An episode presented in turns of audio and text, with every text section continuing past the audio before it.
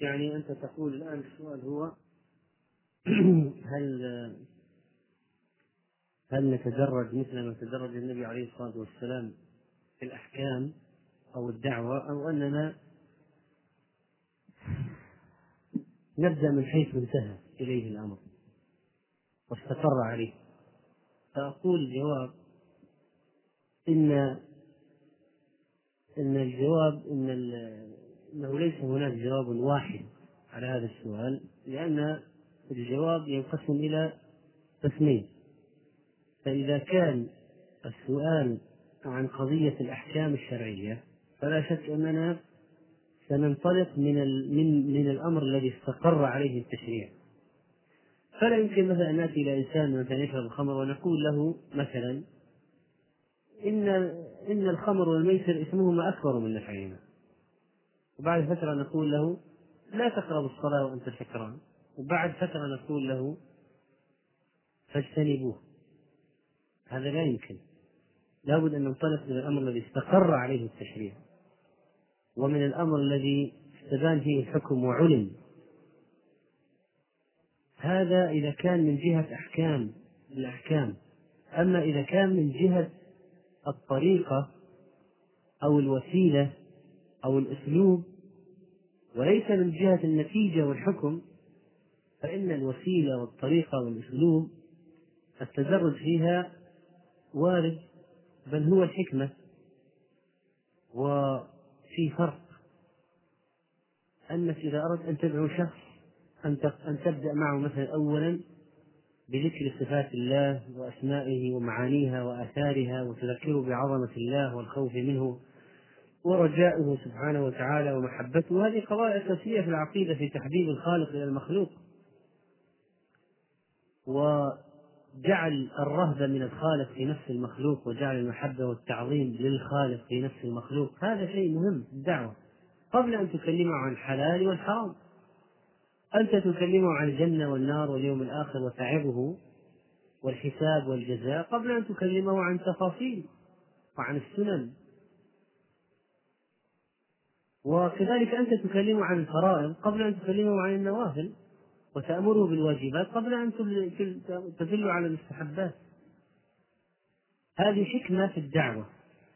كما ذكرت عائشة كما في صحيح البخاري يعني كان أول ما كلمهم عنه النبي صلى الله عليه وسلم لقريش أنه ذكرهم بالله ووعظهم باليوم الآخر و ولو أنه قال له في أول الأمر لا تزنوا ولا تشربوا الخمر ما ما سمع كلامه أحد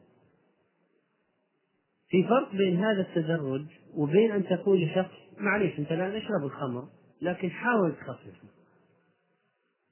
أنت اشرب الخمر بعد العشاء. حتى تصير صاحي الفجر. هذا غلط. هذا ليس تدرجا ولا له علاقة بالحكمة لأن التشريع استقر.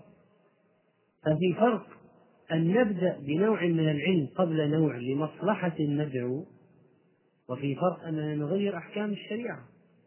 أو نقر على باطل بكلامنا نحن مثلا أو نسوغ له الحرام. هذا لا يعتبر حكمة ولا يعتبر من المنهج الصحيح مطلقا.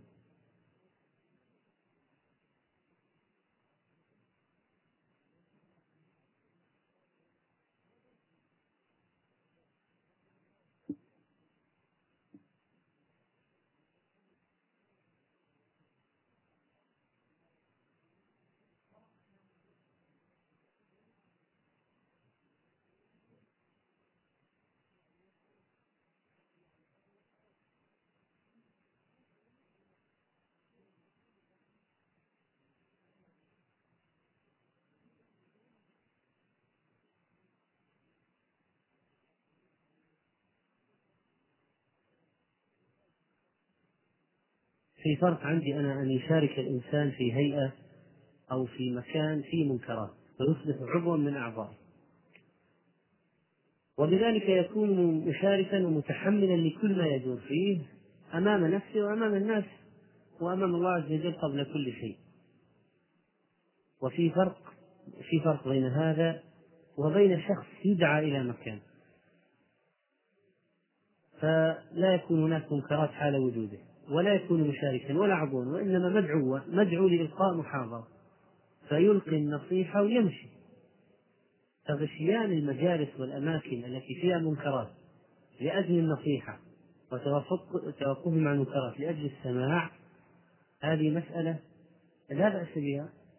والرسول عليه الصلاة والسلام كان يغشى, يغشى أنبياء قريش ويعظهم ويأمرهم وينهاهم. لكن إنسان يقول والله أنا أريد أن أكون عضو في برلمان لا يطبق شرع الله أو نادي في منكرات لكي يأمر وأنهى وهو يشارك معهم في المنكر ويقره. ففي فرق بين المشاركة كان تكون أنت عضو من الأعضاء مشاركا ومسؤولا عما يحدث في المكان وبين أن تكون مجرد زائر وضيف ومدعو إلى هذا المكان لتلقي عليهم نصيحة أو شيئا من الشيء نعم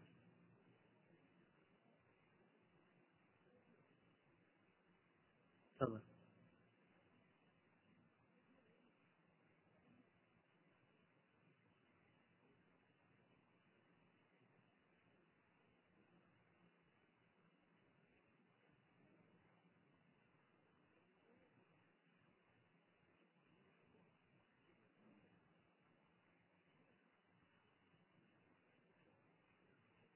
يعني الإنسان إذا عاش في مجتمع إسلامي مصغر وهذا المجتمع الإسلامي المصغر موجود في مجتمع جاهلي كبير.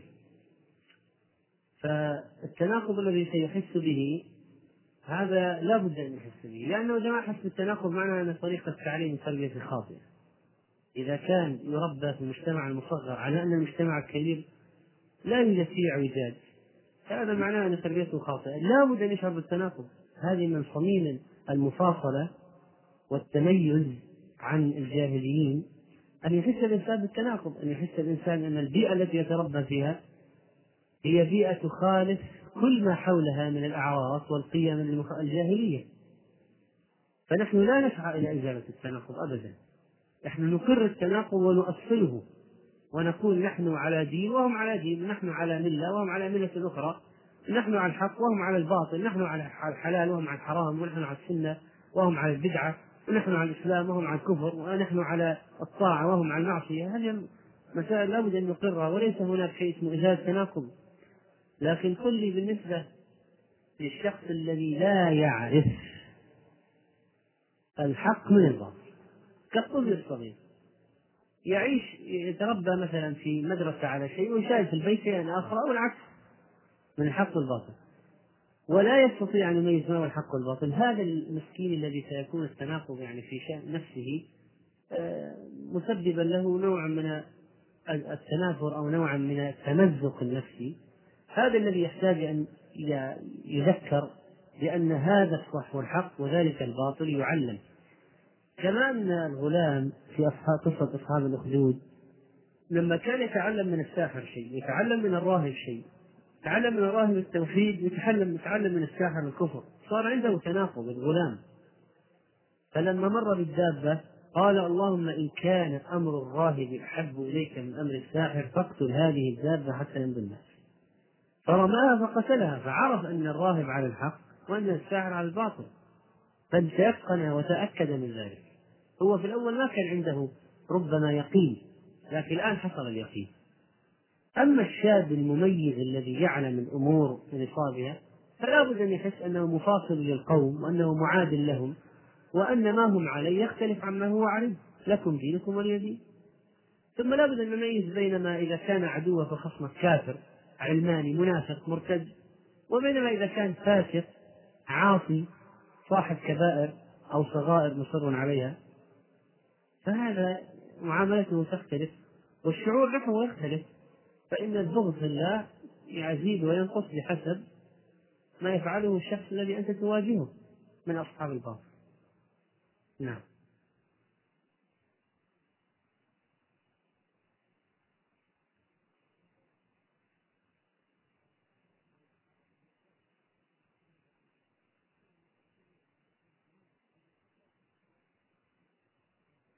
يعني الإنسان إذا صار عنده طاعة ومعصية فلا بد أن يحدث في صراع لا أقسم بيوم القيامة ولا أقسم بالنفس اللوامة. فإذا صار الإنسان يلوم نفسه عن الشر وينطلق في الخير الحمد لله يعني هذا طيب. ظاهرة صحية. صح أنه يعني ليس مثل النفس المطمئنة التي تفعل الخير دائما لكنه أحسن حالا من النفس الأمارة بالسوء التي صاحبها مقيم على المعصية دائما. فأهم شيء أن الإنسان يتبين له الحق والباطل. ثم إنه سيحاول أن يزيد من الخير وينهي الشر بقدر استطاعته. فأما إذا وقع في المعصية وهو مع شباب طيبين فإن هذا التناقض في نفسه سيدفعه إلى التوبة أولا وإلى محاولة التغيير الذي حصل عنده ونبذ الشر. وهذا شيء من طبيعة النفس اللوامة. لا يمكن إنهاؤه يعني بالكلية. أي نعم.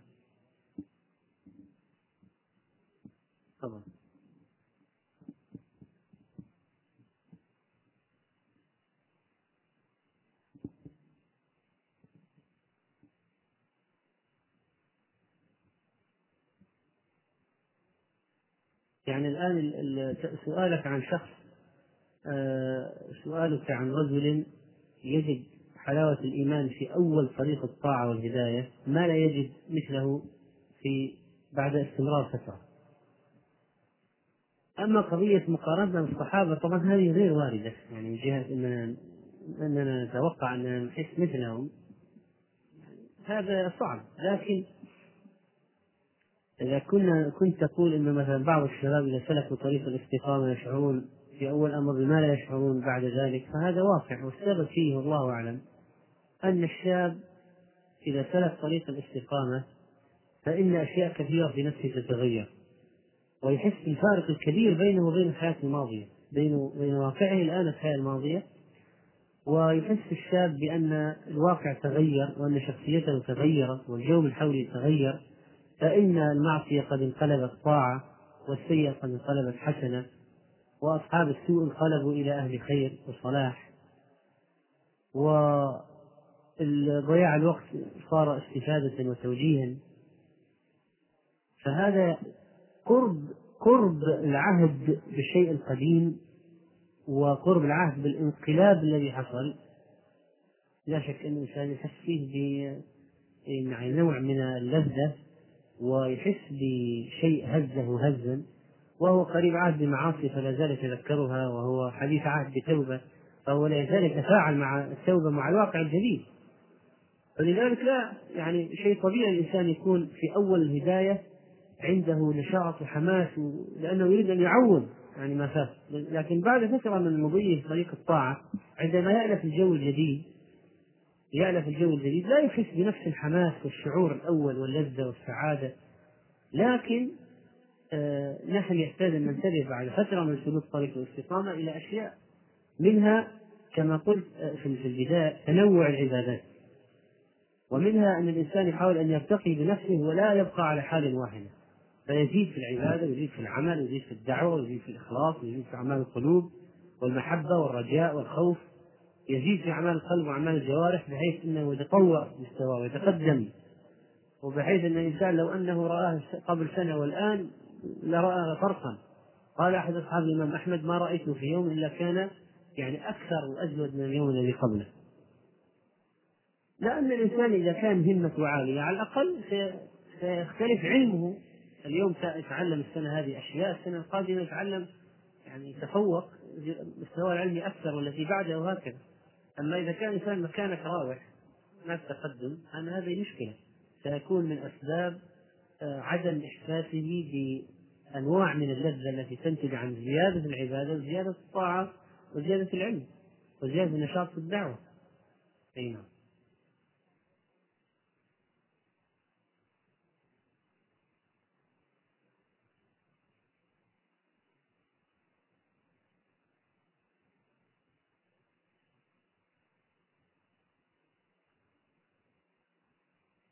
الهوى. يعني يمكن تقول الهوى ميل ميل النفس إلى الباطل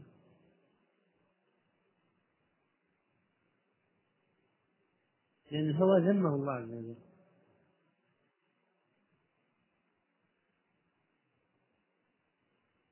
أي نعم. والعلماء قالوا كتاب ذم الهوى يعني هو شيء مذموم ميل النفس إلى الباطل لكن نفس نفس خلقها الله كل واحد له نفس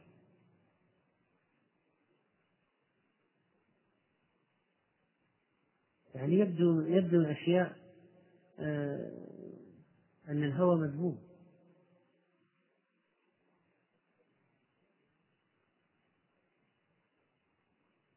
لا نفس الأمارة بالسوء والشيطان وقرناء السوء. هذه القضايا كلها لها أثر في موضوع الهوى. أي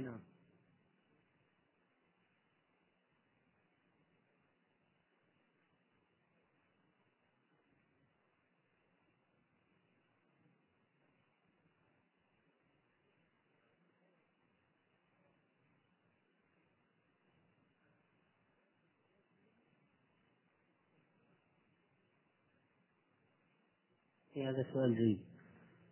قضية العلاقة بين أفراد الوسط يجب أن يتمعن فيها الشباب جيدا. العلاقة بين أفراد الوسط في الوسط التربوي أو وسط الشباب الطيب يجب أن يكون لها سمات وملامح. فمن هذه السمات والملامح أولا أن تكون قائمة على طاعة الله.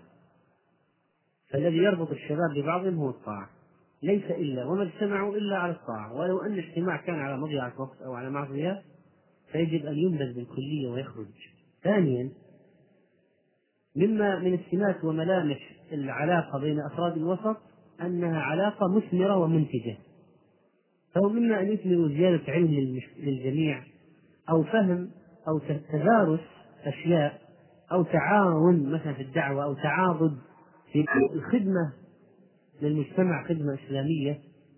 إنتاج يعني المجتمع وسط الشاب لابد أن يكون منتجا. إذا ما كان منتج وسط فاشل.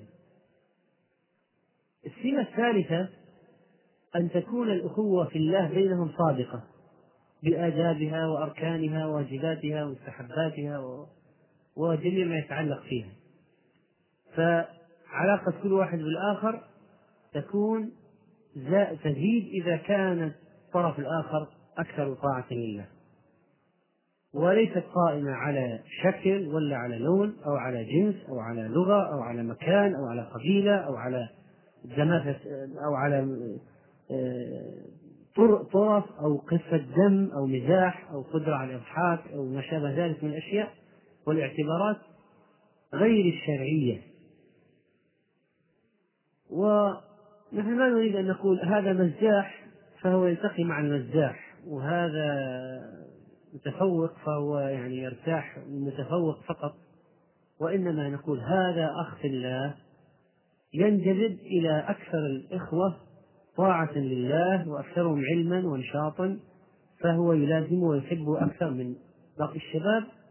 وكلما برز أخ في جانب من جوانب الطاعة كلما اقترب منه أكثر وازداد منه حبا لأن هذا معنى الحب في الله. فلا يكون هناك اعتبارات أو نشوء علاقات بين الشباب مخالفة لمعنى الأخوة في الله من أنواع الهوى أو أنواع التعلق أو أنواع الدنيا التي تجمعهم مثلا. فهذه قضية مهمة ينبغي أن تأصل من سمات وملامح العلاقة بين الشباب أن تكون علاقة آه، قائمة على العدل بين الإخوة وعدم التمييز بينهم باعتبارات جاهلية فأنا لا أوقر فلان لأن أبوه مسؤول أو غني أو تاجر ولا أحتقر فلان لأن أباه لأنه يتيم ولأنه ليس عنده دخل ولا مادة مثلا. ثم إنني عندما يعني أقارن بينهم فأنا لا أقارن بينهم على أساس مادي وإنما تفاضل بالتقوى. إن أكرمكم عند الله أتقاكم. ومن السمات والملامح لأفراد الوسط كذلك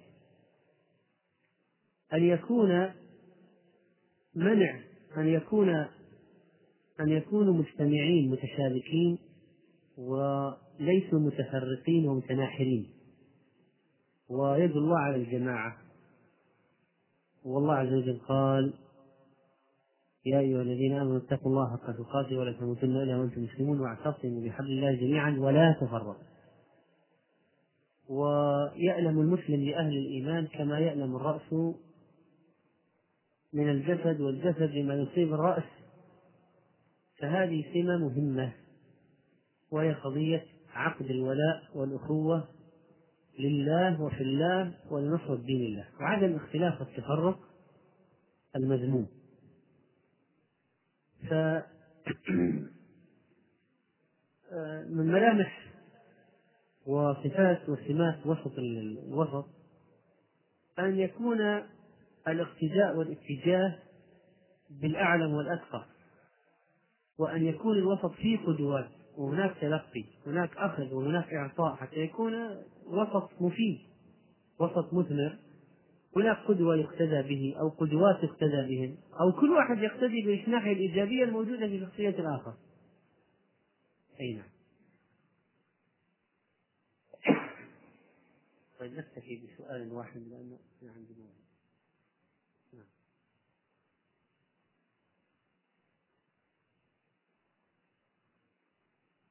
فرق الضالة طبعا يتنوعون فمنهم من يكون كافرا منهم من يكون مبتدعا بدعة ليست في كفر فالفرق تتنوع. ومن منطلق البغض بالله الذي يتناسب تناسبا طرديا مع شدة البدعة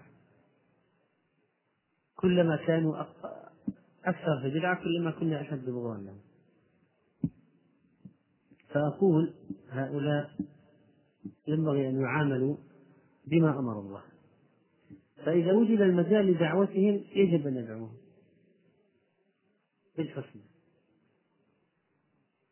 إذا لم يوجد مجال لدعوتهم فإن كان فراقهم لا يترتب عليه مفاسد شرعية بمعنى يعني إيش؟ معاداتهم إظهار العداوة لهم. أظهرنا لهم العداوة. قد بدت بيننا وبينكم العداوة والبغضاء أبدا حتى تؤمنوا بالله وحده. إظهار العداوة. وإذا لم يمكننا إظهار العداوة بالشكل الظاهر لضعف نفوذ الإسلام فإننا لا بد أن نعاديهم في الباطن وفي القلب ونكرههم ونبغضهم ولو لم نتمكن من إظهار العداوة لهم علنا. وأما إذا استطعنا إظهار العداوة لهم علنا فإننا نقوم بذلك. فإذا نحن نناصح ونتكلم ونعظ ونذكر ونقيم الحجة فإذا استمرأوا البدعة وأصروا عليها فإننا نفاصلهم ونظهر لهم العداوة ظاهرا وباطنا إذا استطعنا أو باطنا فقط إذا لم نستطع.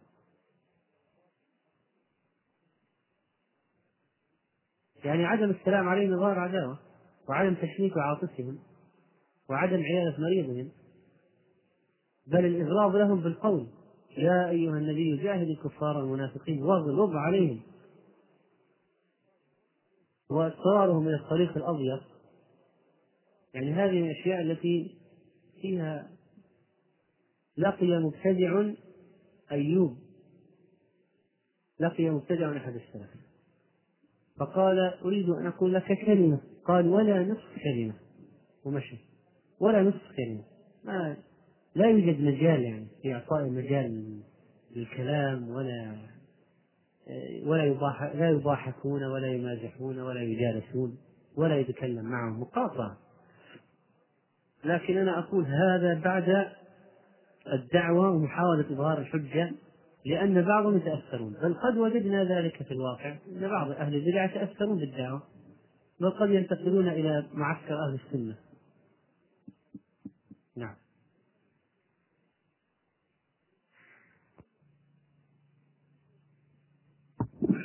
الحمد لله رب العالمين صلى الله وسلم على نبينا محمد وعلى آله وصحبه أجمعين. يعني بما أنكم أنتم تدرسون في الأقسام الشرعية فهناك كلمة بسيطة أوجهها بمناسبة الالتقاء بكم في وأنتم من هذا هذه الأقسام. نحن نعلم أن اتجاه الكثير من المتفوقين من الشباب في المرحلة الثانوية يتجه إلى الأقسام العلمية غير الشرعية ومثل الطب والهندسة والعلوم ونحوها. ولا شك أن اتجاه المتفوقين أو الأذكياء من الطلاب إلى هذه الأقسام جعل هناك نقصا في شخصيات الذين أو جعل هناك نقصا في عدد الشباب المؤهلين لحمل العلم الشرعي في الأقسام الشرعية. وإن كان من ثمار هذه الصحوة المباركة أن عددا من الشباب المتفوقين في المرحلة الثانوية قد اتجهوا للأقسام الشرعية مؤخرا وهذا الحمد لله شيء يعكس الرغبة في دراسة العلم الشرعي ويعكس أيضا الاهتمام بهذا العلم والرغبة في دراسة دين الله سبحانه وتعالى والإعراض عن زخرف الحياة الدنيا في مقابل ما يحصله الشخص من الأمور التي تفقه فيها في دين الله. ولذلك فإن إنني أدعو الشباب الذين دخلوا الأقسام الشرعية إلى أمور. أولا إشارة لما مضى من الكلام قبل قليل لا نجزم أن الشباب الذين كانت معدلاتهم في المرحلة الثانوية منخفضة أنهم ليسوا من أذكياء الشباب أو ليسوا من النابغين لأن الوضع الدراسي في الثانويات لا يساعد كثيرا على نبوغ كل الأذكياء فيه بل إن الظروف التي هي محيطة بواقع الشباب من جهة التفوق الدراسي لا تؤهل أو لا تدفع بكثير من الأذكياء إلى أن يكونوا من المتفوقين. وبالتالي فإننا نتوقع أن عددا من الشباب الذين دخلوا الكليات الشرعية هم من المؤهلين لدراسة العلم الشرعي بالرغم من مستوياتهم المتدنية نوعا ما في الثانوية.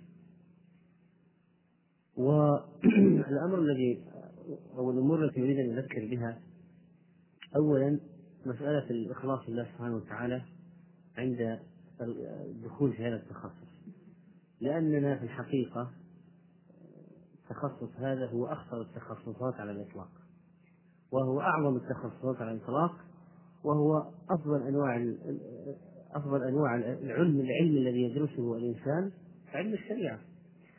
وإن كان الناس جهلوا قدره في هذه الأيام لكن منزلته في الدين تفرض على الشاب المسلم أن يقدر الأمر قدره. والمسألة الثانية هي أن يقوم الأخ أو الشاب الذي يدرس الكليات الشرعية بواجبه من جهة تعليم ما يتعلمه لأهله أو للمجتمع من جهة الحرص على الفهم وليس الدراسة من أجل النجاح. وكثير من الذين نبغوا في العلوم الشرعية من الشباب الذين هم في الكليات الشرعية لم يعتمدوا على المنهج فقط الذي يدرس لهم. وإن كان في بعض الحالات ينبغي عدم الاستخفاف بالمنهج. لأنك على سبيل المثال يعني أضرب مثالا أقول إذا كان من المقرر مثلا دراسة مثلا حاشية روض المربع لنفرض آه، ومثلا تفسير الشوكاني أقول إن الكتب المقررة لو أن الشباب درسوها دراسة جيدة فإنها ستعطيهم ذخيرة لا يستهان بها من العلم لكن الذي يحصل أنهم يدرسون لأجل النجاح ثم يرمون بالكتب هذه والمقررات فينسون ما مضى وما درس. وينبغي أن تعامل المناهج التي تدرس الكليات الشرعية بعد النجاح لا كمعاملة المناهج التي تدرس في المراحل أو في أنواع العلم الأخرى كالطب والهندسة. لأن العلم الذي مضى واختبرت فيه هو علم لا يزال حيا المفروض أن يكون في نفسك من أجل جلالته ومن أجل أهميته وحاجتك إليه الآن وفي المستقبل. ثم إن الاقتصار على كتب الجامعية أيضا يحدد من نظرة الشخص ويعني قد يكون فيه نوع من دنو الهمة. وإن كان أعود وأقول إن إنها لو استوعبت استيعابا جيدا ففيها خير عظيم خصوصا إذا كانت من كتب يعني أهل السنة والجماعة. والأمر الآخر أيضا الذي أنصح به الإخوان الذين يدرسون في الكليات الشرعية أن يكون الاهتمام بتحصيل العلم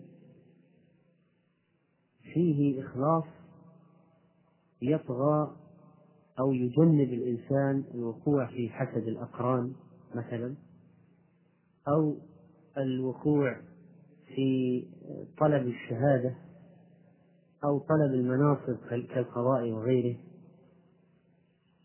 أو أن يشار إليه مثلا بالبنان في المجتمع على أنه مثلا طالب علم ونحو ذلك.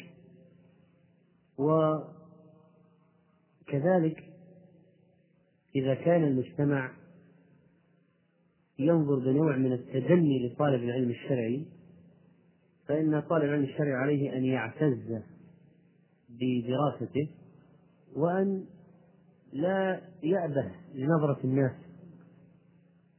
أقول وأن لا يأبه لنظرة الناس إليه. لأن الناس نظرتهم في الغالب دنيوية. والشخص الذي يحتسب دراسة وجه الله لا يأتم بأن يقول عنه عنه الناس أنت أو مثلا حتى بعض الوالدين. هذا التخصص ما ما يجعلك تأكل العيش ولا يجعل لك مجال للرزق ونحو ذلك. و العلم الشرعي الإقبال عليه في ازدياد يعني حاجة الناس للعلم الشرعي في ازدياد. لأن الجهل عظيم. وكل طالب في علم شرعي معناها أنه يسد ثغرة في المجتمع. لكن أنا ألاحظ أن هناك نوع من التكدس في بعض المتخرجين من الكليات الشرعية تكدسا يمنع من استغلال طاقاتهم في المجتمع وبروزهم. فقد يكون بعضهم يصلح للخطابة فلا يتقدم للخطابة وبعضهم يصلح لإقامة دروس فلا يقيم دروس وبعضهم يصلح للدعوة في الخارج فلا يذهب للدعوة في بعض البلدان الإسلامية في الإجازات وبعضهم يصلح للدعوة في القرى والهجر ولا يذهب فيعلم ما عنده. وبعضهم يصلح لإقامة دروس علمية خاصة لبقية الشباب فلا يقوم بأداء هذه المهمة. وبعضهم قد يصلح في التأليف فيترك المجال الغثائيين لكي يكتبوا وينشروا ما عندهم. وبعضهم يصلح للردود على المبتدعة أو العلمانيين فلا يفعل ذلك. المجالات أمام طالب العلم الشرعي كثيرة جدا. لكن هناك نوع من احتقار النفس أحيانا والجبن أحيانا والخذلان الذي يصيب النفس والعياذ بالله والتراجع عن المواقع المهمة التي ينبغي أن تخدم يخدم فيها دين الله. وهذا لا شك أنه من العلامات السلبية الموجودة. أنا أكتفي بهذا القدر أو هذه الكلمة قصيرة عن الموضوع. وأترك المجال الباقي لكم للأسئلة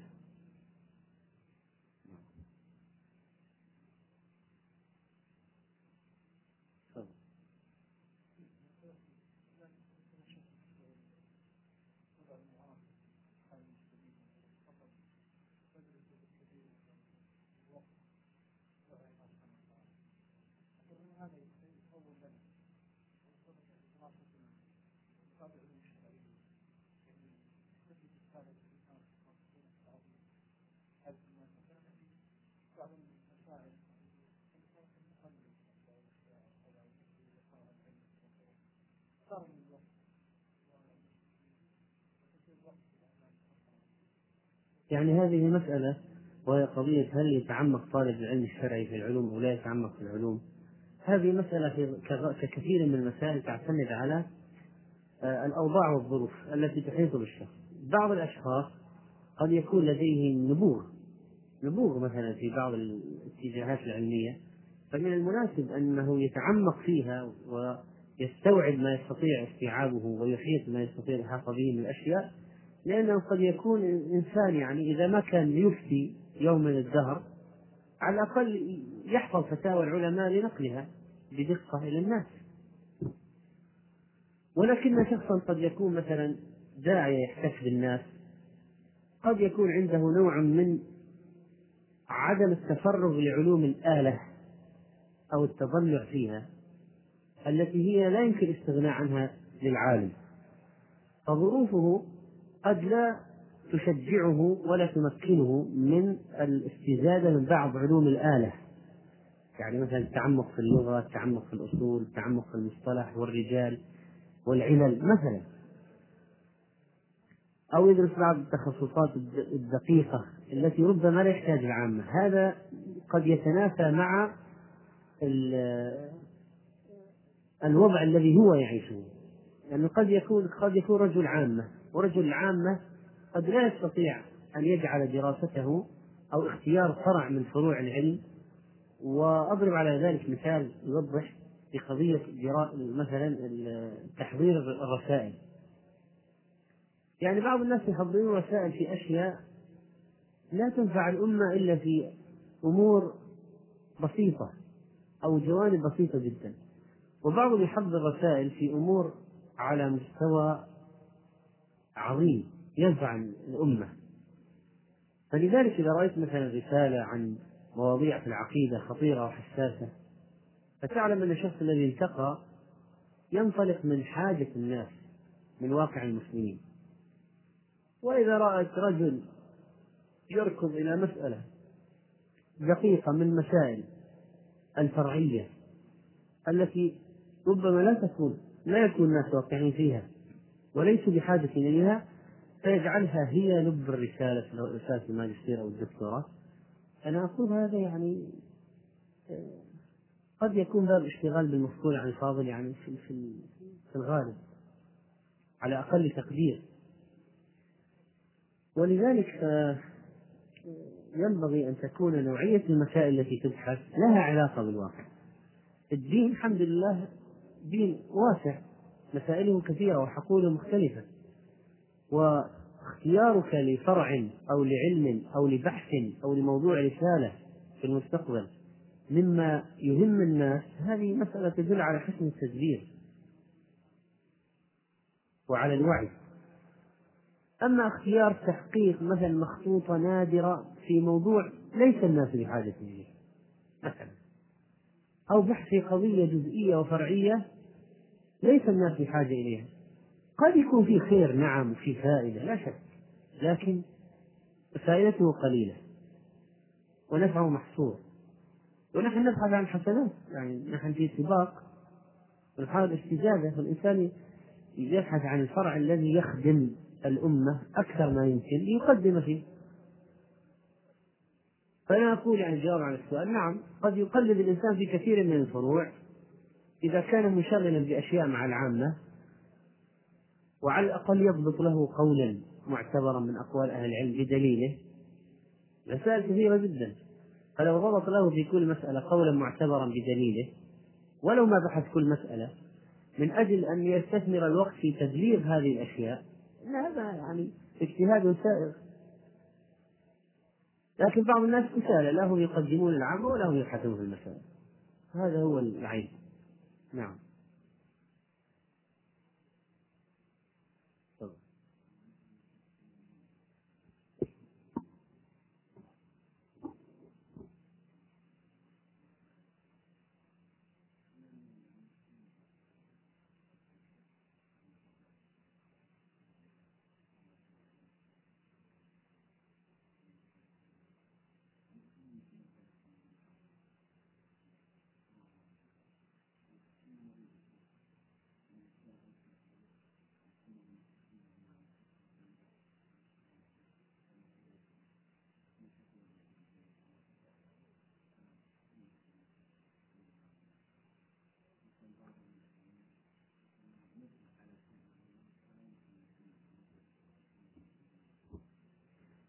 نعم يعني سؤالك عن نوعيات من المدرسين أو الدكاترة مثلا.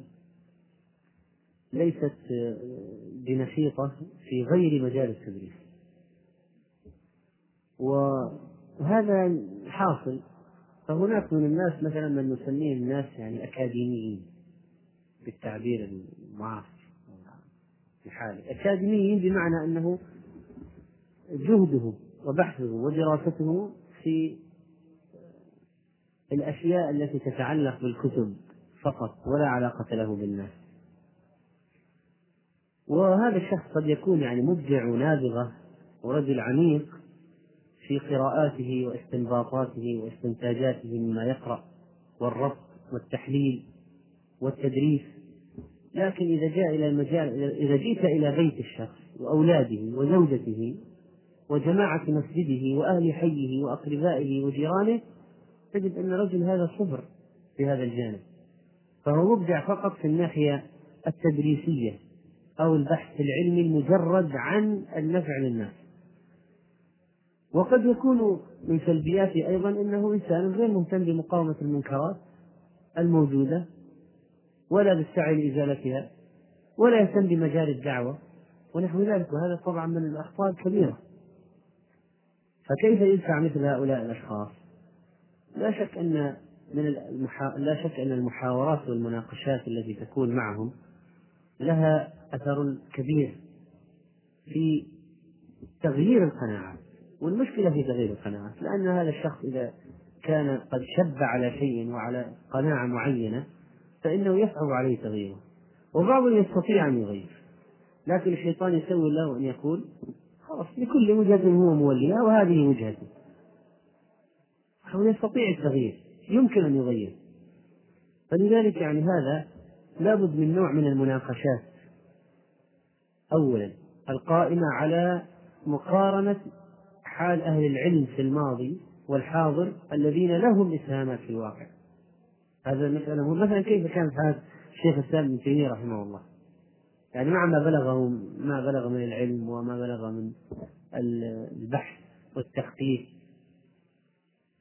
لكنه استثمر علمه في الواقع. ناظر وقاتل وجمع الصفوف وأهل حارب أهل البدعة وأزال منكرات وعلم طلاب وخرج علماء ف... وألف مؤلفات فالمسألة عنده متعدد الجوانب. المسألة الثانية آه، دعوتهم للمشاركة في قضايا تتعلق بالشباب. فأنا لا أرى مانعا مثلا أن يدعى بعض هؤلاء المشاركة في بعض آه، حلق الشباب أو بعض رحلات الشباب التي تكون مناسبة وتوجيه الأسئلة له وعرض موضوع عليه يلقيه يشعره بالمشاركة يكون في نوع من التحريك. مثلا توجيهه لمسألة إزالة المنكر وأن يكون هو من الناس الذين يقدمون في هذا الجانب المجال وأن يناصح ويتكلم. ويأمر وينهى. وكذلك الدعوة في القرى والهجر. لو بعض الشباب أخذوا مدرسا قالوا له نريدك في مشوار يعني آه، يمكن ساعة نهار نخرج نهار ونرجع آخر النهار. وعندما يرى إقبال الناس عليه والعامة خصوصا في القرى والهجر فإنه يسر ويشعر أنه إنسان مثمر منتج وليست فقط قضية عنده قضية كتب. وكذلك لو نصح بالسفر إلى بعض البلاد يعني مثلا الآن الجمهوريات الإسلامية في الاتحاد السوفيتي سابقا هذه مكان خاص كبير للدعوة والتعليم. فمن لهؤلاء؟ من لهؤلاء؟ فأنا أرى وظيفة الشباب أن يرافقوا المشايخ ويحمسوهم. ما يقول الشيخ روح ليش ما تفعل كذا؟ لماذا أنت جالس؟ وهم لا يقدمون له شيئا عمليا. فإذا تمت المرافقة والمناصحة والخدمة إذا كان أهل العلم والفضل فإنها إنه سيتحرك. كثير أنه الحمد لله بهذه الأشياء قد تحرك. حصلت تحركات.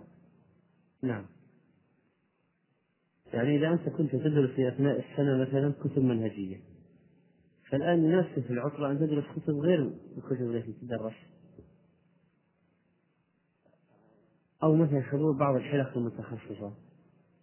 أو ممارسة الدعوة. يعني مع الشباب وبين الشباب وفي المجتمع عموما.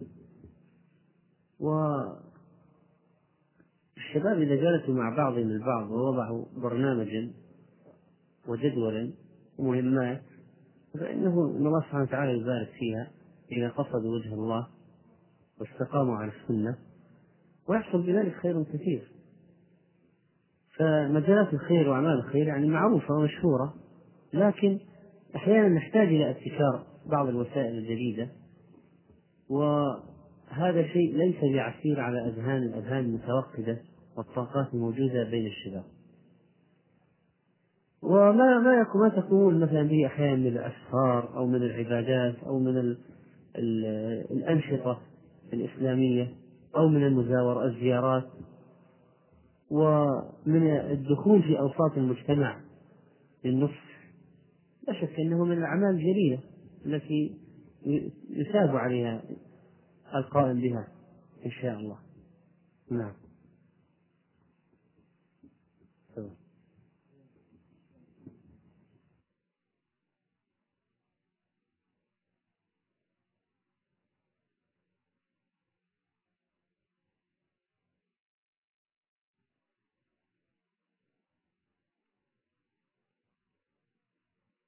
قائم أو الذي سيكون أو المزعوم يعني. لكن أظن أن هؤلاء يسهل إقناعهم بما يحدث في الواقع. يعني الآن إذا قالوا لك ما في داعي أن ننشئ تنشئ الأطفال على أبواب النصارى وهم يرون ماذا يفعل مثلا النصارى في آه، يوغوسلافيا بالمسلمين أو البوسنة والهرسك مثلا. هل سيقول لا ما في بيننا وبينهم عداوة مثلا؟ وإذا رأى ما يقوم به أهل الرفض في العالم وما يقوم به القلاقل مثلا في أفغانستان على سبيل المثال أو غيره فهل سيقولون أن أنه لا مجال الآن لكلام مع الناشئة في هذا الموضوع؟ فالواقع الواقع سيرد عليه. ثم أن هناك قضية أحيانا نحن نحرص على إقناع الأشخاص لكن لا نتمكن لهواهم للهوى. لو أنه عاقل فقط لمسألة إزالة شبهة يقتنع لفعلنا لكن إذا قام الإنسان بما يعني يستطيع أن يقوم به ثم وجد إعراضا من جهة الهوى فماذا تستطيع؟ فمن يهديه من بعد الله؟ فلذلك نحن لا نتعب أنفسنا في النقاش مع العناصر المجادلة في المجتمع التي تماري وهم من أصحاب الهوى وإنما نقوم بواجبنا نحن بقناعاتنا نحن بعد أن نوضح وجهة النظر في الموضوع فمن أسلم في النفس ومن ضل فعليه نعم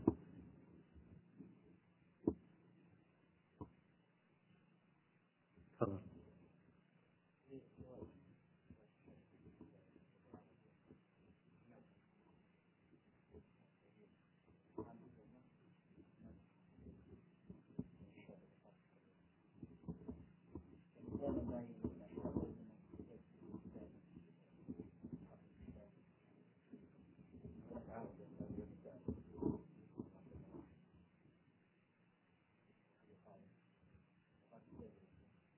كان بعد مريض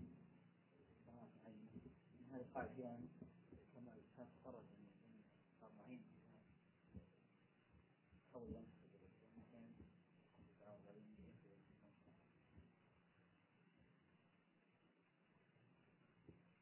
يعني. موضوع موضوع التوازن المواضيع التي تطرح أحيانا ولا ولا يكون هناك تفكير في ذات في ذات المسألة. أو فهم لنفس المسألة لموضوع التوازن. فأقول قضية التوازن وتكلمنا في الموضوع هذا لكن لا بأس أن نقول بعض الإشارات البسيطة. موضوع موضوع التوازن ليس موضوعا من المواضيع الذي يخضع للأرقام الدقيقة. بحيث يقول أنا كذا ساعة أريد أن أدعو كذا ساعة أريد أن أتعلم كذا ساعة أريد أن أكون مع أهلي كذا ساعة أريد. الدقة الدقة الشديدة لا لا تصلح يعني مقياسا للتوازن فالإنسان يحاول أن يتوازن في الأشياء بشكل عام ويفكر في حال نفسه. فإذا رأى هناك مجال هو مقصر فيه يستدرك. إذا رأى هناك مجال يقوم يستدرك وإذا والمسألة تعتمد أيضا على التسديد. والمقاربة هذه هي سددوا وقاربوا. يعني لو أردتها بعبارة شرعية ما هو التوازن سددوا وقاربوا. هذا التوازن. لأنك من جهة لا تستطيع أن تفعل كل ما عليك في جميع المجالات. ولا بد نكون مقصرين يعني مهما شئنا مهما أردنا سنكون مقصرين في مجال أو مجالات. فالمسألة إذا سددوا وقاربوا. ومسألة الدقة الشديدة غير مطلوبة بل غير مقتدر عليها. والنقطة الثالثة في موضوع التوازن أننا نحتاج إلى مراجعة دائمة للنفس. يحتاج الإنسان مراجعة دائمة لنفسه ليعرف جوانب القصور أو الأشياء التي لم يبذل فيها ما ينبغي عليه. ورابعا ينبغي أن يكون هناك تسديد من الشباب للشباب الآخرين الذين هم معهم. وهذا ما يعكس موضوع التربية الجماعية وأهميته في مسألة الملاحظة على الشباب والأفراد. يا فلان مثلا أنت يا أخي عندك جانب العلم فيه تقصير أو أنت يا فلان عندك جانب الدعوة أو أنت يا فلان عندك جانب الأهل أو أنت يا فلان عندك جانب أهل الحي أو أنت يا فلان عندك جانب الوظيفة والدراسة فيه إهمال وتقصير. أو أنت يا فلان عندك جانب العبادة يعني إنسان يحتاج أن يكون أكثر نشاطا في العبادة وألين قلبا مثلا. أو أنت يا فلان في جانب يعني ملاحظة الشباب على بعضهم هذه الأشياء تساعد في الاستدراك والتسديد والمقاربة. ثم أن البرامج الجيدة تساعد على التوازن. فمثلا لو قيل أن هؤلاء الشباب سيخرجون في رحلة أو في مثلا سفر ونحو ذلك ما هي المواضيع التي موضوعات التي تطرق؟ فلو كان هناك توازن في فترة الطرح أصلا فسيكون مثلا هناك موضوع عقدي وموضوع مثلا يتعلق بالقرآن من التفسير موضوع يتعلق مثلا ب قد يكون موضوع فقهي يحتاجه الشباب موضوع فكري من المذاهب والهدامة والملحدية الموجودة مثلا أو أحداث واقع المسلمين مناقشة واقع العالم الإسلامي في بلد من البلدان أو مكان من الأمكنة أو يكون شيء اجتماعي مثلا في المنكرات الحاصلة الأسواق البيوت النساء الأولاد تربية الأولاد مثلا آه، العجزة ونحو ذلك. قد يكون الموضوع الذي يطرق موضوع مثلا يتعلق بالدعوة وفن الدعوة وأساليب الدعوة وطرق الدعوة وصفات الداعية وثقافة الداعية. وقد يكون موضوع يتعلق بالتربية مثلا أو موضوع يتعلق بوسائل كسب الثواب والطاعات وزيادة الإيمان. وقد يكون موضوع يتعلق بالسيرة والفوائد المأخوذة من السيرة. قد يكون موضوع يتعلق بالزهد والرقائق أو موضوع يتعلق مثلا بالأخلاق أو موضوع يتعلق بالآداب. الشرعية التي فرط فيها الكثيرون كآداب النوم والسلام والخلاء والآداب العامة يعني التي يحتاجها الإنسان في حياته اليومية مثلا. و التنوع في الموضوعات والتعدد فيها يجعل هناك يعني توازنا. لكن لو كل الأشياء كانت مثلا في اتجاه واحد كل الأشياء كانت في اتجاه واحد أفرض مثلا الشباب قالوا نحن مقصرين في العلم فلا بد أن نجعل هناك تركيز عليه. فخلاص صارت البرامج كلها الآن طلب العلم فضله أهميته أنواع العلم وأقسامه. طالب العلم والأدب مع العلماء طالب العلم والمنهج التلقي طالب العلم والحفظ طالب العلم والكتب طالب العلم والأقران طالب العلم والقراءة طالب العلم والعمل بالعلم طالب العلم وصارت المسألة مثلا في مجملها هي عبارة عن دراسة أو عن اتجاه لهذه القضية مع إهمال مثلا جوانب العبادة أو جوانب الأشياء الإيمانية والرقائق أو القضايا الاجتماعية أو مثلا مخططات الأعداء. فلا شك أن التوازن في البرنامج أو في العرض الموجود في الوسط يجعل عند الشاب عند الشاب نفسه نوعا من التوازن في النظرة إلى المجتمع أو في في تعامله هو مع نفسه. البرنامج أعطاه يعني أعطاه هذا البعد. نعم.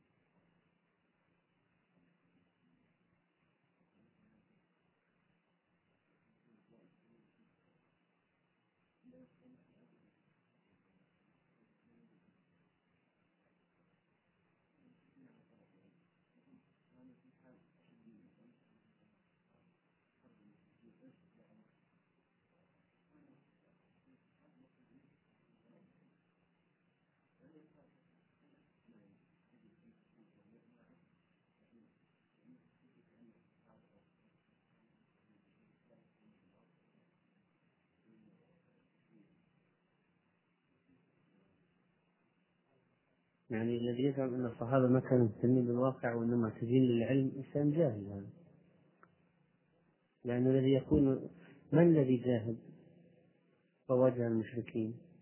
بل وقطع الطريق عليهم في الإمدادات. ومن الذي كان يترصد للمنافقين؟ ومن الذي كان يعمل يوما مع صاحبه وينزل صاحبه وينزل صاحبه للعمل للتعلم وهو يبقى مثلا في في البستان أو في المزرعة يزرع. وما الذي كان ينزل إلى السوق ويتاجر ويرفض أن يكون عالة على أخيه؟ من الذين كانوا سفراء النبي عليه الصلاة والسلام إلى أهل الكفر والشرك بدعوتهم فهل نقول يعني أن الصحابة كانوا معتزلين على ثم لاحظ أن المسألة من زمان ما كان في كتب. صح ولا لا؟ يعني كتب تقريبا معدومة. وكان العلم بالتلقي. على عهد النبي عليه الصلاة والسلام والصحابة. ما في مجلدات وابحث وافتح واعتزل في مكتبة. ما في. العلم يؤخذ بالتلقي. من أفواه العلماء. ويدرس. والصحابة يعني كانوا يطبقون منهجا منهج إسلامي في الواقع. يعني بيت المال في من يقوم به وديوان الجند هناك من يقوم به قضية الرسائل التي تنقل ومسألة الجهاد ومسألة التأمير ومسألة التنصير تنصير الأمصار من الذي بنى الكوفة والبصرة وما الذي نصر الأمصار ورتب الأمور وحل مشاكل الخلق والقضاء. توزيع الغنائم يعني زعم بأن الصحابة والسلف كانوا فقط منكبين على طلب العلم فقط. ما الذي كان يزور صاحبه ما الذي كان يزور صاحبه ليبيت عنده في الليل ويرى حاله في الصيام وحاله مع أهله كي ينصحه ويقومه؟ سلمان أبي الدرداء. من من يعني من الزعم أنه هكذا كانوا انكباب الكباب عليه كان المجتمع مجتمع فاعل فعال يعمل في جميع الأصعدة. ف يعني إذا كان هذا إنسان يقرأ مطلع فغريب أن يقول هذا الكلام. هذا الكلام يليق بالجاهل. نعم.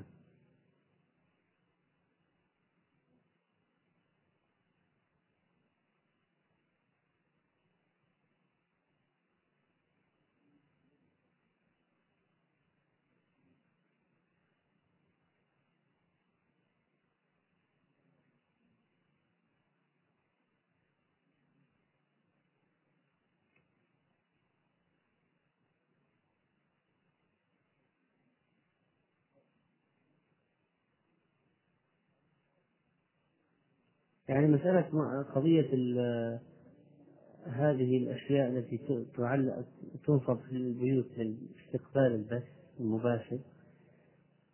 لا شك أن الخطباء خطيب الحي عليه مسؤولية كبيرة في الموضوع هذا جدا والمناقشة الفردية أيضا من قبل الجيران لبعضهم أو الوعظ توزيع الفتاوى في الموضوع الأشرطة التي تتكلم عن خطورات القضية. صوت المعارضة للأمر من داخل البيت لهذا المنكر. المقاطعة لهذه الأشياء المعروضة والانشغال وإشغال الأطفال عنها عمل برامج تمتص أوقات هؤلاء بحيث أنهم لا يبقى عند الوقت لكي يجلسوا أمام هذا. هذا هذه من الأشياء التي يعني ينبغي أن آه، يهتم بها. ولا ما نستطيع أن نقول أننا بإمكاننا القضاء على هذه الظاهرة. ظاهرة الدش هذه هذه لا يمكن القضاء عليها. إذا لم يمكن القضاء عليها الإنسان يعني عنده تفاؤل مفرط. لا يمكن القضاء عليها. يعني بالوضع الحالي. لكن أن نخفف من الشر هذا واجب. أقول يجب أن نخفف من الشر. ما أمكننا ذلك. لأن أظن فيما يظهر إلى الآن ليس لها استخدام في الخير. يعني لا تأتي إلا بشروط فهذا ما عندي في موضوع.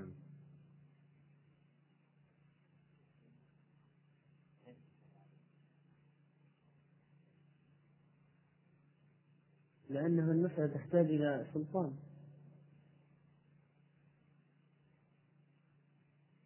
من بعض الناس أنه فمن ذا هوى لا تخلو المشرك أي نعم. تفضل.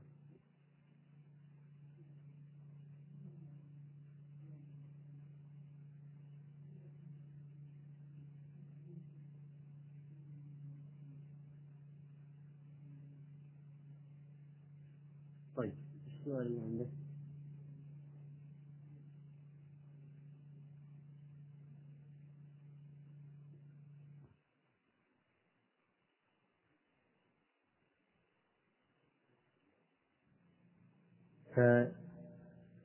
فبالنسبة للزيارات أو أهمية التجاور في الله تنبع من عدة أمور.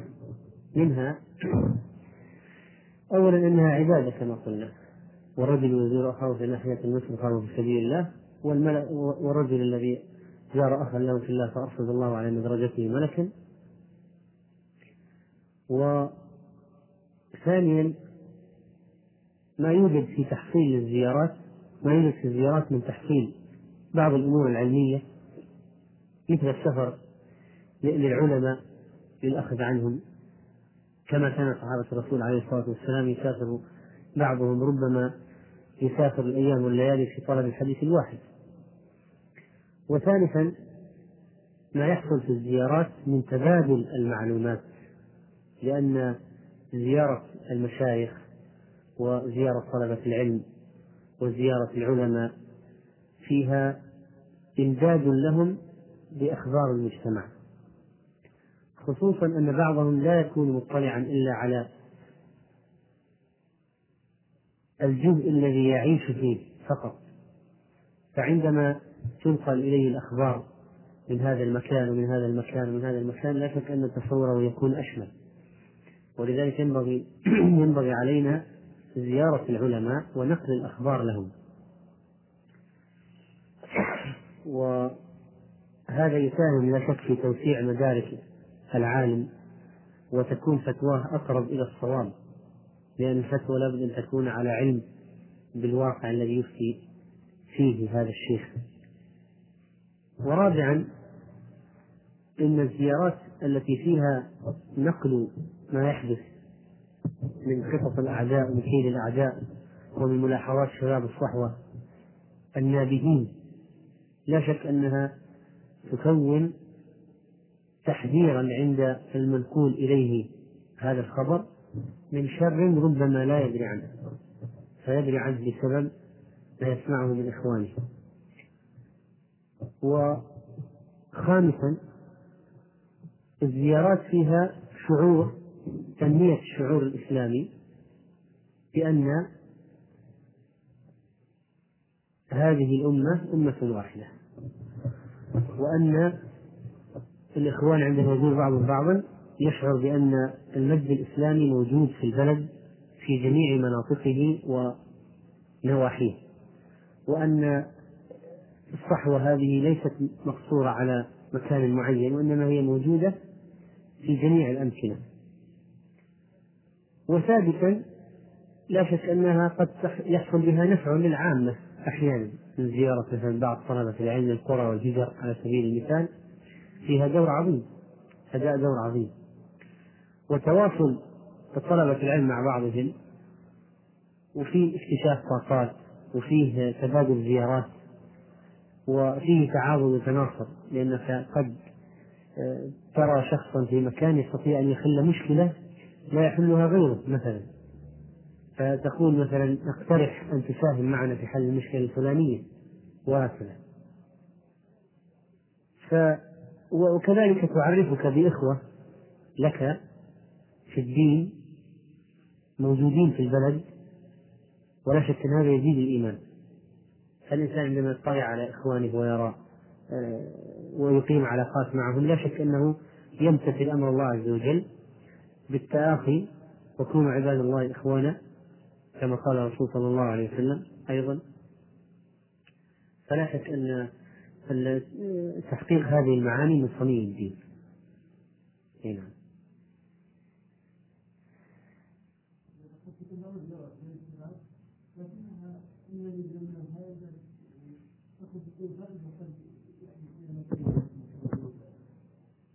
يعني أنت تتكلم عن الزيارات التي في نفس البلد ولا زيارات خارجية؟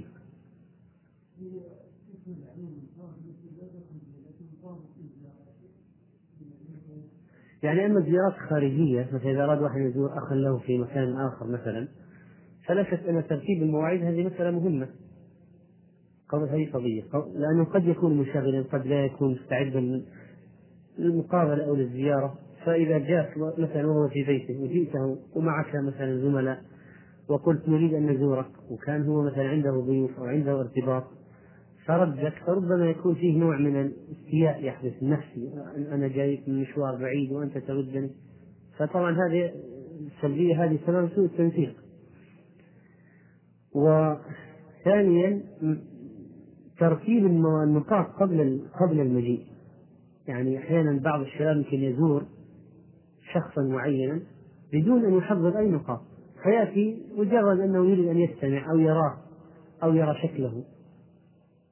مثلا يقول هذا بس أسمعني وأشرق أو أشوف هذا كيف كيف طوله وكيف عرضه وكيف لونه وكيف شكله وهل هو كبير ولا صغير كم شيبة في لحيته هو.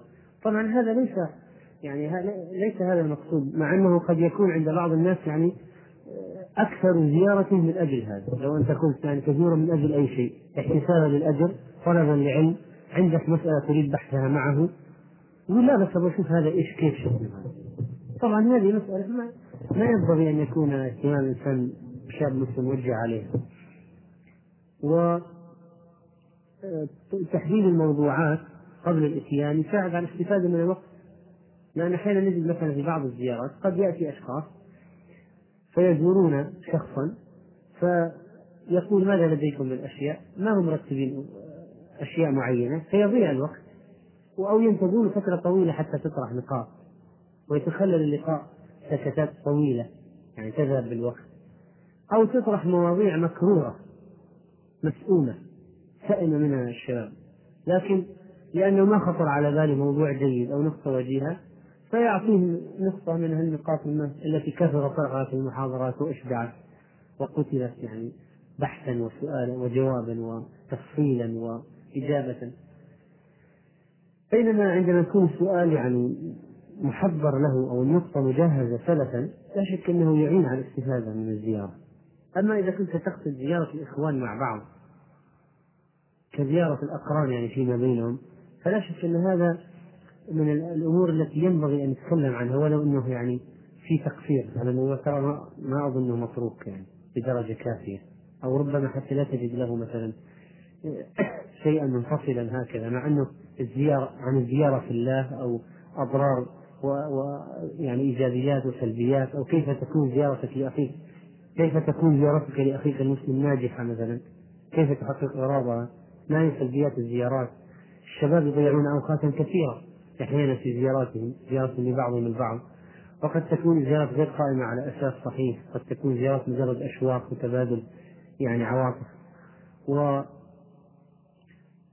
قد يتخللها كما ذكرت غيبة أو كذب أو ونحو ذلك من من الأمور المحرمة.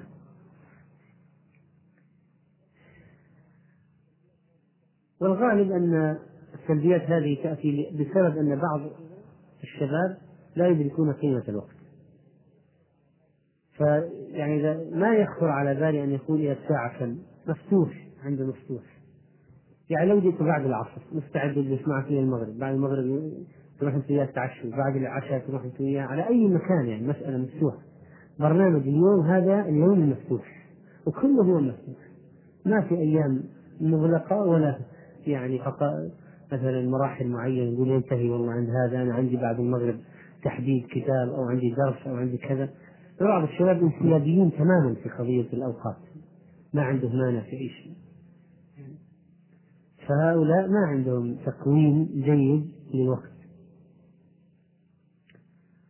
طيب.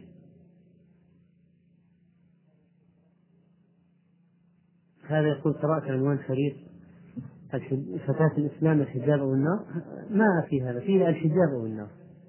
أو الحجاب أو النار على أساس أن ترك الحجاب من أسباب دخول النار من أسباب دخول النار. فما أدري ما هو القصد بالسؤال.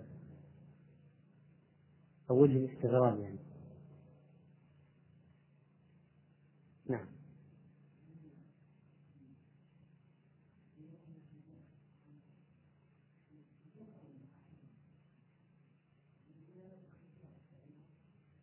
يعني ذكرت لأنها من أسباب دخول النار.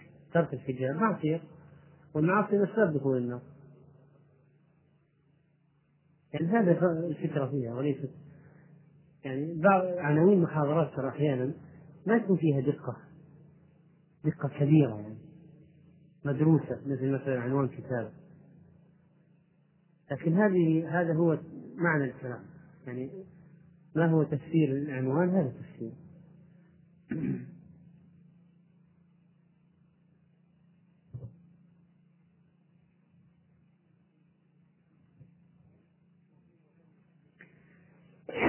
يقول عن حب التطلع وحب الرئاسة فما هو الحل؟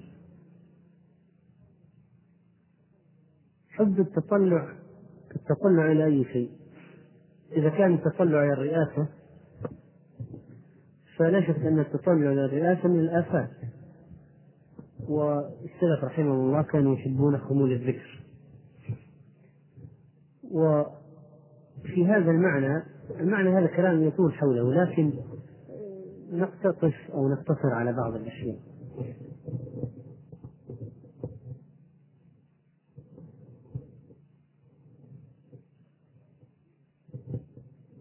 الثغرات الموجودة الآن كثيرة والمسلم مطالب بسد الثغرات وكون الإنسان يتحمس لسد ثغرة ويسارع إليها فهذا لا يعني أن إخلاصه مقدوح فيه بسبب مسارعته لسد الثغرة. ولكن الذي يحصل من البعض أن عندهم حرص دنيوي مغلف بأشياء من الطاعات فالأساس عنده الوصول إلى المركز أو إلى الرئاسة أو إلى المقدمة والأنشطة التي يقوم بها وسائل للوصول والدعوة إلى الله سبحانه وتعالى تضع الشخص بطبيعته بطبيعتها التي فيها حركة دائمة تضع الشخص في موقعه المناسب. إذا كان الجميع إذا كان وسط فيه إخلاص الله سبحانه وتعالى وكل يسعى لتحقيق وإعلاء كلمة الدين فإن المجتمع هذا بطبيعته يضع الشخص في الموقع المناسب له. تبرز الطاقات وتتوزع. رحمك الله. تبرز الطاقات وتتوزع. وتكون هذه الثغرة مفتوحة وهذا مناسب لها وهذا المكان مفتوح وهذا المناسب له وهذه المهمة تريد شخصية هذه صفاتها وهذا المناسب لها. ولذلك فالحركة تضع الأشخاص وتتيح الفرصة لهم ليتبوأوا الأماكن المناسبة. وليست المسألة يعني كما يفعل أهل الدنيا من التسابق على الرئاسة والسعي لها وجلب واسطات مثلا وعمل أشياء يريدون فيها الظهور لكي يقال له خلاص أنت أنت الرئيس أنت أنشط واحد أنت الرئيس. فهو ينشط لكي يكون رئيسا ويعمل أشياء لكي يكون رئيسا. لكن يجب أن يفرق يفرق في العمل الإسلامي بين الناس الذين نيتهم لله والناس الذين يعملون ويظهرون لأجل أن يتبوأوا مكانا ولا شك أن الشخص النشيط يفرض نفسه على من حوله لكن ينبغي أن لا يقاس الناس بكثرة حركتهم أو كلامهم. فيقال هذا يتكلم كثيرا وهذا هذا إذا هذا إنسان فهماني ضعوه في هذا المكان. وتاريخ تاريخ السلف أبرز لنا عدة أمثلة فيها أنه لا يكون أحيانا الشخص الأبرز هو الشخص. الذي توجه إليه الأنظار فمثلا الإمام أحمد رحمه الله لما سئل يعني من نسأل بعدك؟ إلى من نذهب بعدك يا أبا عبد الله؟ قال إلى فلان. قالوا إنه ليس يعني مبرزا في العلم ليس هو يعني بارز جدا في العلم. قال إنه صادق مخلص يعني. وهذا أحرى أن يوفق للصواب. فالتوفيق للصواب لا يأتي من نتيجة أنه أبرز واحد بالمجال ودائما المسألة كما ذكر عمر رضي الله عنه اللهم إني أعوذ بك من أشكو إليك جلد الفاجر وعجز الثقة. تجد أحيانا الناس مخلصين لكنهم عاجزين وضعفاء وعندهم قصور. وناس عندهم جلد ونشاط لكن عندهم قلة في الإخلاص. ولذلك ينبغي أن تتجه التربية نحو إبراز الشخصيات التي تحوي مزيدا من هذين العاملين الأساسيين في النجاح الإخلاص والقدرة والأمانة أو القوة. إن خير من استأجرت القوي الأمين الذي يجمع بين هذين الأمرين. فأنا أقول الآن بالنسبة لهذا السؤال إن الشاب الذي يرى أن بإمكانه أن يسد ثغرة يتقدم ويسدها لكنه لا يطالب لا يطالب بمسؤوليات ويطالب بمناصب وأشياء ويقول لهم أنتم ينبغي أن تطيعوني وينبغي أن تأتمروا بأمري. الدعوة هي التي توجه الأشخاص وليسوا هم الذين يوجهون أنفسهم لتبوء هذه الأماكن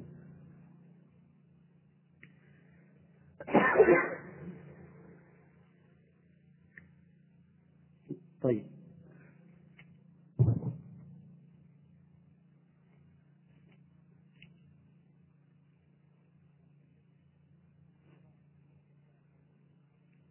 هناك بعض الشباب من طلبة العلم ينتقص من قدر بعض الإخوان الذين التحقوا بعض المكتبات. وإذا علم أنه ملتحق بها يتبسم. يعني أنا سبق أني ذكرت كلام عن موضوع المكتبات. أعيد بعضه وأقول يا جماعة أن الأنشطة الإسلامية الأنشطة الإسلامية ليست سواء. وسواء كانت مراكز أو مكتبات ونحو ذلك من الأنشطة هناك مراكز جادة. فيها حلق علم وفيها تربية وفيها دعوة وفيها خدمة للمجتمع. وهناك مراكز ما فيها إلا أشياء ترفيهية وأنشطة رياضية وتمثيليات وأناشيد ومسابقات ثقافية.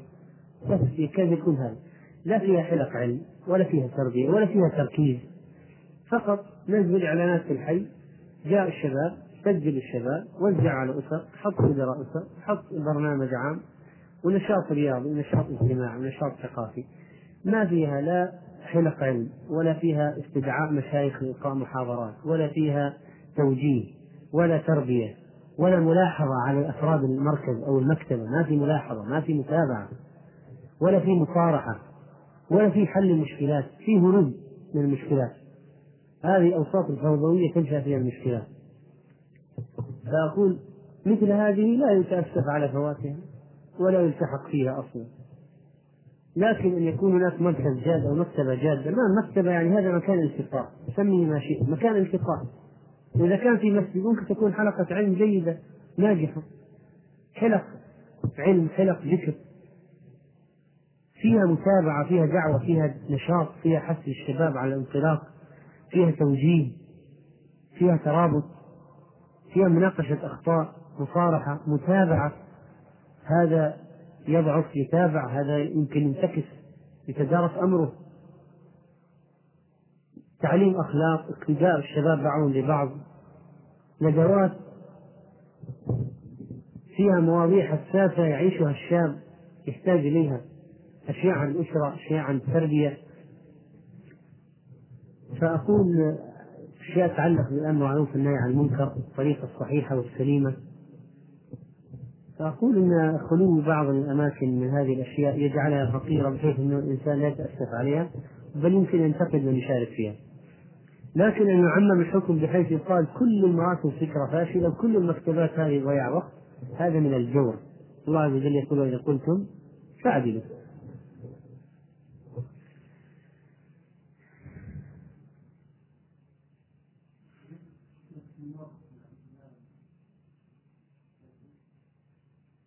نعم يا أخي.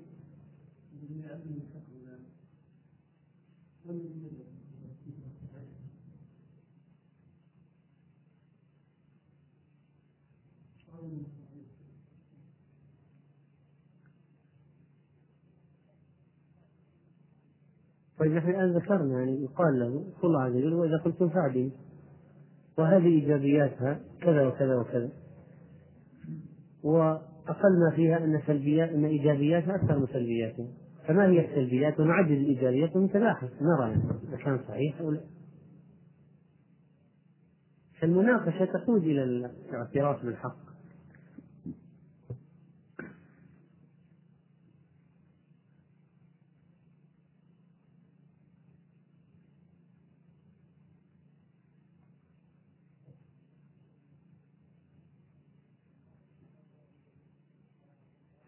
بعض الشباب لا يكون نشيطا في الدعوة إلى الله إلا إذا كان مع مجموعته الأولى التي كانت بداية بداية معهم وإذا طلب منه الذهاب إلى أخرى رفض أو إذا ذهب أصبح نشاطه ضعيفا. يعني هذا سؤال وجيه. لا شك أن الحياة التي يعيشها الإنسان في بداية الالتزام لها طعم خاص. ولا شك أن اللحظات الأولى التي حصل فيها دخول نور الإيمان والهدى إلى قلب شخص ما على يد شخص ما أو مجموعة ما لا شك أن يكون لها لذة معينة وأن هؤلاء الناس الذين سلك معهم في أول الأمر أصحاب فضل عليه فهو ينظر إليهم بعين التقدير والإحترام والإجلال ويرى أنهم هم الذين أنقذوه ونقلوه من ظلمات المعصية إلى يعني نور الطاعة والهدى. فلا شك أن الحنين بالنسبة إليهم يكون شديدا ويصعب الفراق عليه فراقهم. و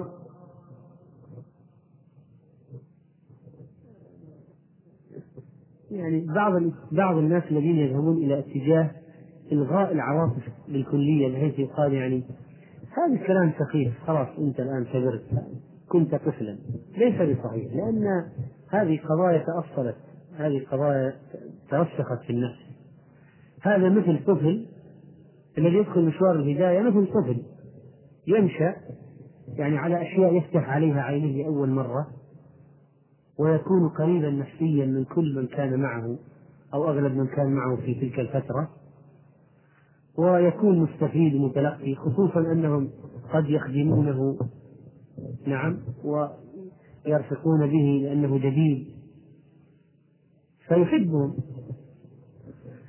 فإذا تغير وضعه مثلا تخرج من ثانوية ذهب إلى جامعة أو تخرج من جامعة وذهب إلى مثلا الوظائف. فقد هذا التغير يكون من المصلحة فيه أن ينتقل الشخص إلى مكان آخر. لا يعود من الناس أن يبقى في مكانه الأول مثلا. وإذا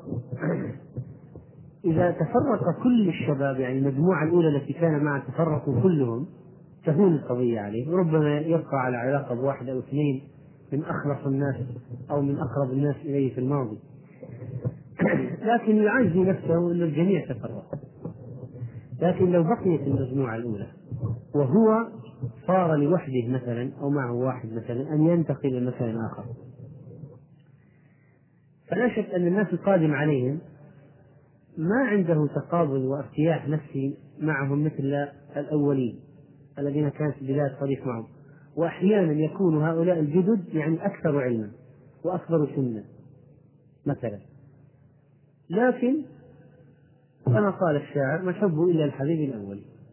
كم من منزل في الأرض يألفه الفتى وحنينه أبدا لأول منزل. الناس الذين في بداية مشوار الطاعة هؤلاء لهم تقدير خاص. وحتى الإنسان أحيانا قد يهتدي عليه الشخص نعم؟ يبقى يزور بين فترة وأخرى يواصل لأن هذا الرجل له فضل عليه. وإن كان يدرس على من هو أعلم منه هو أكبر منه لكن يبقى لذلك الشخص تأثير أقول هذا لا يجوز لا يصح إلغاؤه بكلية. فنقول هذا لا نعتبره أبدا وليس عندنا مجال العواطف ليس بصحيح لكن الإنسان لن يبقى كما هو. لابد أن يتغير. يعني ما هو معقول إنسان شباب في توعية مثلا في ثانوية؟ متآخين متآلفين متحابين نشطون مع بعض متفاهمين في النشاط. هؤلاء يعني إذا كبروا وتزوجوا وصار عندهم عيال كبار وصار عندهم أربعين وخمسين سنة وصاروا أجداد. سيكون يعني بنفس الوضعية والكيفية. ما يعقل. فتتغير الدنيا يعني تتغير بهم الأحوال. فتصور أننا أنك يعني من هذه أقول من إقناع كيفية إقناع الشخص. إن إقناع الشخص حتى لنفسه إقناع إقناعه نفسيا هو يقتنع بنفسه لنفسه أن الدنيا لن تبقى يعني. أنت تتخرج وتتوظف وتتزوج يصير عندك أولاد مسؤوليات أخرى تنتقل إلى يعني صعيد آخر من المجتمع. فإذا علم الإنسان أن الدنيا في تغير دائم تهون عليه هذه الأشياء. ثم إن الدنيا هذه تفرق الأحباب بشكل أو بآخر الآن أو فيما بعد.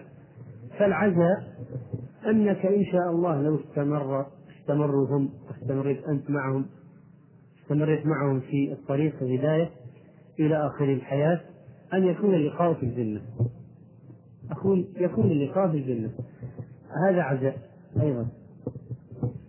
وكذلك توضيح أوجه المصلحة. ما هي أوجه مصلحة الانتقال؟ يمكن البقاء الآن ما في إلا الشيء العاطفي تقريبا. أما الانتقال يمكن في مصالح عظيمة. ثم بالتجربة بالتجربة. الإنسان إذا دخل في المجموعة الجديدة وجلس فترة وهكذا هي فقط الصعوبة فقط في المرحلة الأولى. يعني مثلا الأشهر الأولى. وبعد ذلك خلاص تصير الأمور تنبي الناس تعودوا تعود كل على موقعه الجديد ويرضى بما حصل وتسير الأمور. فأقول يعني مسألة أيضا يعني ليست لن تبقى هذه التأسفات والتحسرات والتندمات في نفس الشخص هذا إلى الأبد. هذه قضية في أول الأمر فقط. لكن العتب على من ينتقل ثم يكون نشاطه خفيفا. نحن ما نعتب عليه أن يشعر بالحزن والأسى لفراق الأولين لكن نعتب عليه أن يقل نشاطه يقول خلاص لا خير في العيش بعده ما خير العيش بعدكم وما خير العمل الإسلام بعدكم. هو المسألة مرتبطة بالأشخاص المسألة عمل الدين سواء مع هؤلاء أو مع هؤلاء مع زيد أو مع عبيد. فالمسألة يعني مسألة عمل الدين. فإذا كان الشخص يضعف بسبب أنه فارق زيدا إلى عمرو هذا معناه أنه عمل فيه في شيء يقدح صح ولا لا؟ لو كان عمل خالص لله ليس مرتبطا بالأشخاص يهمه التقديم الدين والمنهج بغض النظر مع فلان أم مع فلان لعمل حتى في الواقع لكن أحيانا الشخص ينتقل إلى واقع لا يقدر مثلا أو لا يعرف تعرف مثلا مشكلاته ولا تفهم شخصيته فيصادم بأشياء قد يحدث سوء سوء تفاهم بينه وبين الجدد أو المجموعة الجديدة وقد يهاجمونه في بعض الأشياء بخلاف لأنه كان مع أناس يفهمهم ويفهمونه. نشأوا مثلا صغارا وكبروا مع بعض. لكن الآن ورد على أناس كبار كلهم